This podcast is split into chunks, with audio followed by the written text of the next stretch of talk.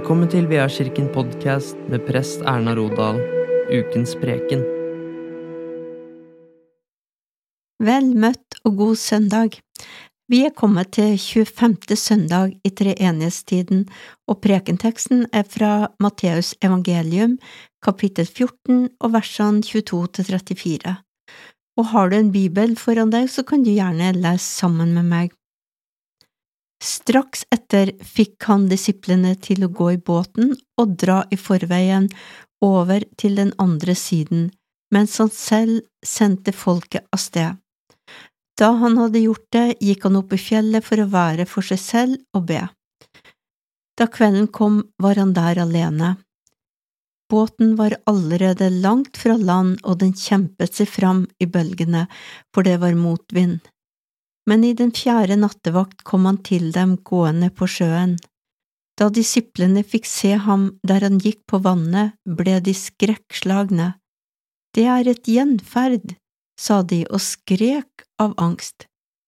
Men i det samme talte Jesus til dem, Vær ved godt mot, det er jeg, vær ikke redde. Da sa Peter til ham, Herre, er det deg, så si at jeg skal komme til deg på vannet. Kom, sa Jesus. Peter steg ut av båten og gikk på vannet bort til Jesus, men da han så hvor hardt det blåste, ble han redd.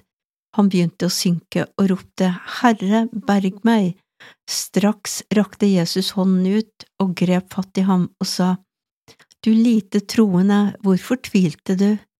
Så steg de opp i båten, og vinden stilnet. Men de som var i båten, tilba ham og sa, Du er sann i sannhet Guds sønn. Slik lyder det hellige evangelium. Teksten i dag er en utrolig spennende tekst som beskriver en helt umulig situasjon. At Jesus, som er Gud, går på vannet, er jo én ting. Ingenting er umulig for Gud, det vet vi jo men at Peter skulle kunne gå på vannet, det var noe helt annet. Men tingen er at å følge Jesus der han går, kan ofte være som å gå på vannet. Jesus inviterte disiplene med seg på mange sånne situasjoner der det som skjer egentlig er et helt umulig sett med våre menneskelige øyne som når han eh, sier til disiplene at de skulle mette 5000 mennesker med fem brød og to fisker, og når han sender dem ut to og to for å forkynne de gode nyhetene om Guds rike og helbrede syke og sette mennesker i frihet. Når han overlater disiplene å forkynne evangeliet, døper mennesker og gjør dem til etterfølgelse av seg etter at han dro opp til himmelen. Det er også et umulig oppdrag, hadde det ikke vært for at han har sagt at han er med oss alle dager i oppdraget. Å følge Jesus er som å gå på vannet. Vi er like avhengige av hans hjelp som Peter var da han gikk ut på vannet. Så lenge som han hadde blikket festet på Jesus, gikk han men da han begynte å se på omstendighetene rundt seg og se på sin egen svakhet, så sank han.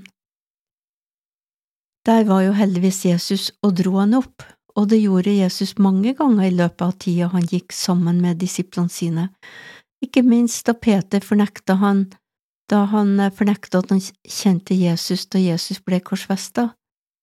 Peter sank som en stein, men Jesus dro han opp igjen og satte Peters føtter på fjell og lærte han å gå med stødige skritt.